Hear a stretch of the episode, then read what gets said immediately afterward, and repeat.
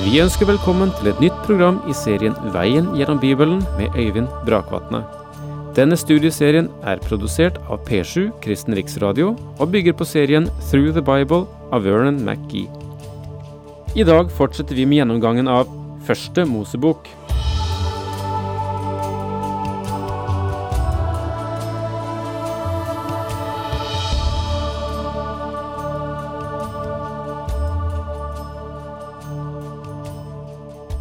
Ja, så håper jeg at du har funnet frem din egen bibel. Om du ikke har noen, så kanskje du burde tenke på å kjøpe en. Det er ikke så stor investeringen økonomisk, men det gir veldig stort utbytte for eh, ditt åndelige liv. Men de som kan, slå opp i Første Mosebok, kapittel 35, og der skal vi starte i dag. Etter å ha studert kapittel 34 kan du dra den konklusjonen at jeg gjorde en tabbe når jeg sa at Jakobs liv forandret seg ved Penhiel. Det 34. kapitlet viser i alle fall ikke særlig mye forandring i hans holdninger. Det stemmer nok, men det var en forandring som fant sted. Hele Jakobs liv frem til Peniel var karakterisert av en stadig stigende selvtilfredshet og av å gi etter for kjødets begjær.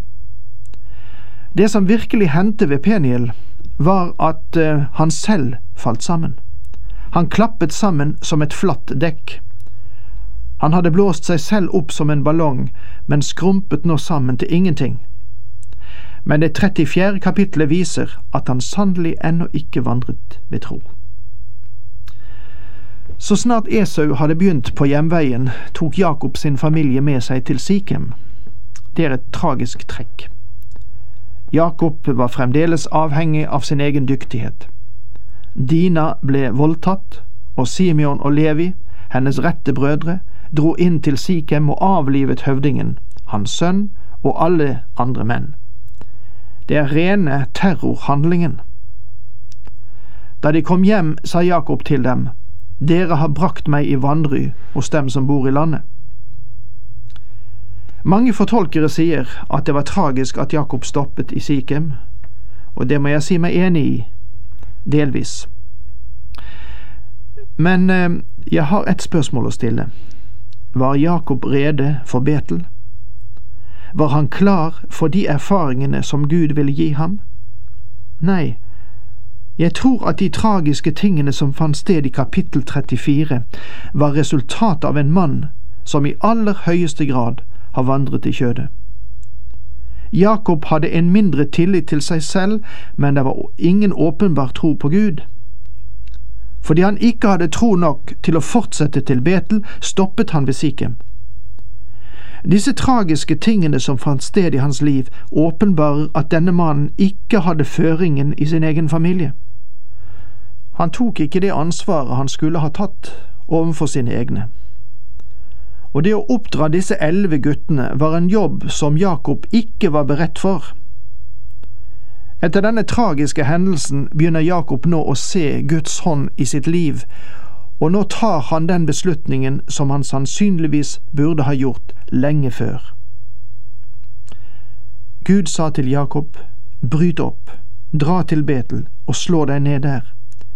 Der skal du bygge et alter for Gud, som åpenbarte seg for deg da du flyktet for din bror Esau. Nå kaller altså Gud Jakob tilbake til Betel, og etter de vonde erfaringene han har hatt, er han forberedt på å dra. Det virker ikke som han har hatt tro til å flytte før, men nå begynner Jakob å ta det åndelige lederskapet i sitt hjem som han egentlig burde ha tatt lang tid tilbake. Da sa Jakob til husfolket sitt og til alle dem som var med ham, få bort de fremmede guder som finnes hos dere, rens dere og skift klær. Det er flere ting som Jakob ber familien å gjøre. Først og fremst skal de få bort de fremmede guder som finnes hos dem. Det er nesten som vi blir sjokkert av dette. Du minnes nok at da Jakob flyktet med Rakel og Lea, klarte Rakel å smugle med seg familiegudene.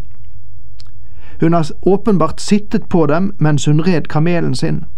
Hun bare krabbet opp på toppen av bagasjen på kamelryggen og satte seg ned.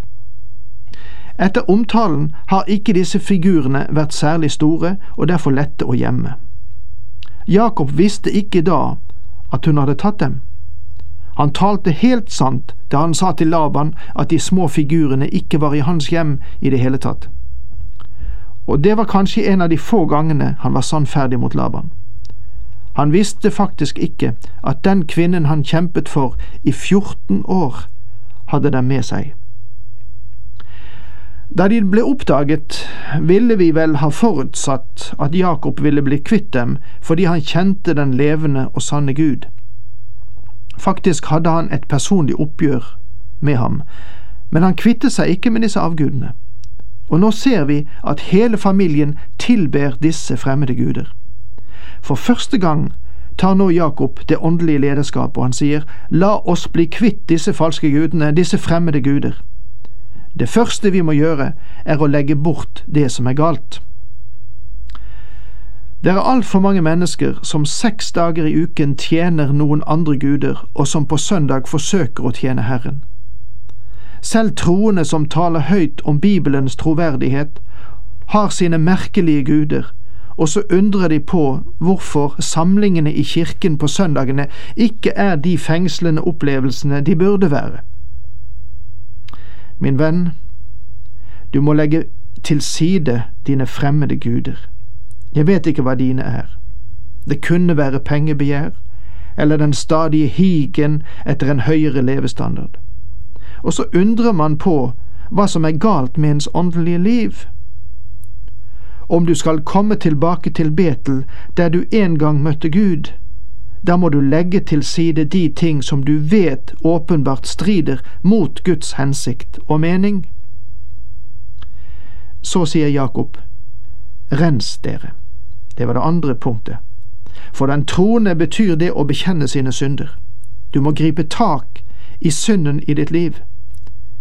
Vi kan ikke komme til kirke eller bedehus på søndag og så bare glemme måten vi har levd på gjennom den uken som ligger bak oss. Vanligvis så tar vi et bad og bruker en deodorant før vi kommer til de kristne samlingene i kirke og bedehus for å få bort all skjemmende lukt. Men eh, får jeg, om dere forstår rett, bruke sammenligningen og si at det kan også være en skjemmende duft når det gjelder vårt åndelige legeme i våre kirker og bedehus, fordi der ikke er bekjennelse av synd, og derfor ingen renselse. Dersom vi bekjenner våre synder, er Han trofast og rettferdig, så Han tilgir oss syndene og renser oss for all urett. Det må være en bekjennelse. Han vil tilgi, men du må bekjenne. Og skift klær var det tredje som Jakob sa til sin egen familie. Med andre ord, bli kvitt de gamle plaggene. Skriften taler nå og da om klær som vaner eller dyder. Tenk bare på Kolossene, kapittel 3, vers 12, der det står Kle dere derfor i inderlig medfølelse, godhet og ydmykhet. Som Guds barn skal vi avspeile hvem vi er, og hvem vi tilhører. Er vi ikledd Hans dyder, som kalte oss fra mørket inn i sitt underfulle lys? Går det an å oppdage i din daglige gjerning, på skolen eller i nabolaget, at ditt liv har et annet snitt? Vi er alle symbolsk talt kledd i noe. Den dagen da Jakob gikk tilbake til Betel, så begynte han å leve for Gud. Frem til da hadde det vært så som så med det. Nå sier han, la oss gå tilbake til Betel, og det er det vi må gjøre. Så skal vi bryte opp og dra til Betel. Der vil jeg bygge et alter for Gud, som hørte min bønn da jeg var i fare, og som var med meg på min ferd. Abraham og Isak hadde reist alteret, og nå vil Jakob gjøre det samme. Takk Gud for det. Han vil nå reise et vitnesbyrd for Herren.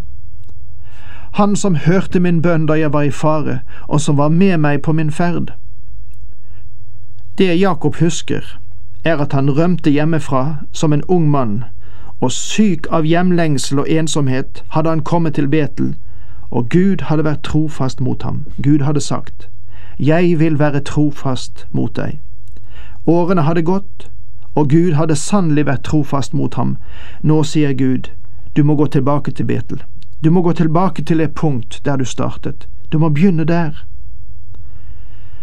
Vi må være våkne for at de årene vi bruker med å leve et sjusket og tvilsomt kristenliv, er å kaste bort tiden. Det er absolutt tidsspillet. Gud kalte Israels barn ut fra Egypt og inn i løftets land. Gud åpenbarte seg for dem og ba dem dra inn i landet, men de gikk ikke inn. 40 år vandret de rundt i ørkenen, og da åpenbarte Gud seg for Josva og sa, Gå inn i landet. Gud tok opp igjen tråden der han hadde begynt. De hadde på mange måter kastet bort 40 år, selv om det var mange lekser å lære, det er jeg enig i. Men hvor mange mennesker er det som kaster bort noe av kristenliv også? Det er egentlig en veldig åndelig lekse som rulles opp for oss her i dette kapitlet.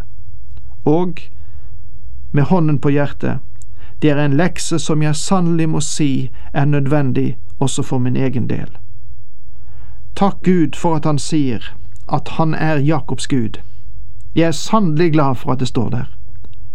Om Han vil være Jakobs Gud, så vil Han også sikkert være denne lille predikantens Gud, og det er vidunderlig. Dette kapitlet burde være en stor oppmuntring for oss. Legg merke til at Jakob må ta lederansvaret i sitt hjem. Da lot Jakob få alle de fremmede gudene de hadde hos seg, og ringene som de hadde i ørene, og Jakob gravde det ned under den eika som står ved Sikhem. La meg få skyte inn at øreringer ble forbundet med tilbedelse på den tid. Skriften sier faktisk en hel del om det.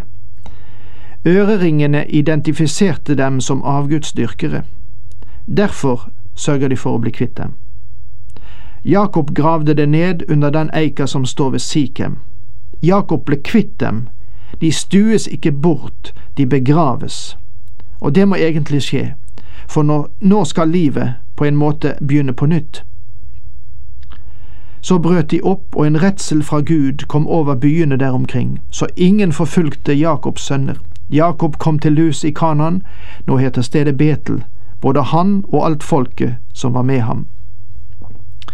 Dette stedet ble kalt Lus før Jakob forandret navnet til Betel, og folket på den tiden kjente stedet som Lus, ikke som Betel.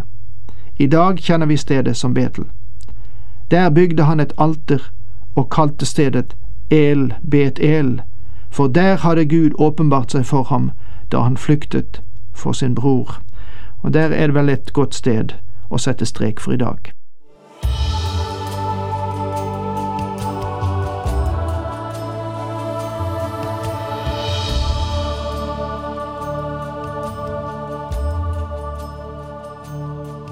Du hørte Øyvind Brakvatne i studieserien Veien gjennom Bibelen.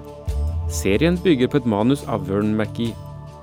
Har du spørsmål eller kommentarer til programmet, kan du sende en e-post til vgb krøllalfa p7.no. Takk for i dag, og på gjenhør.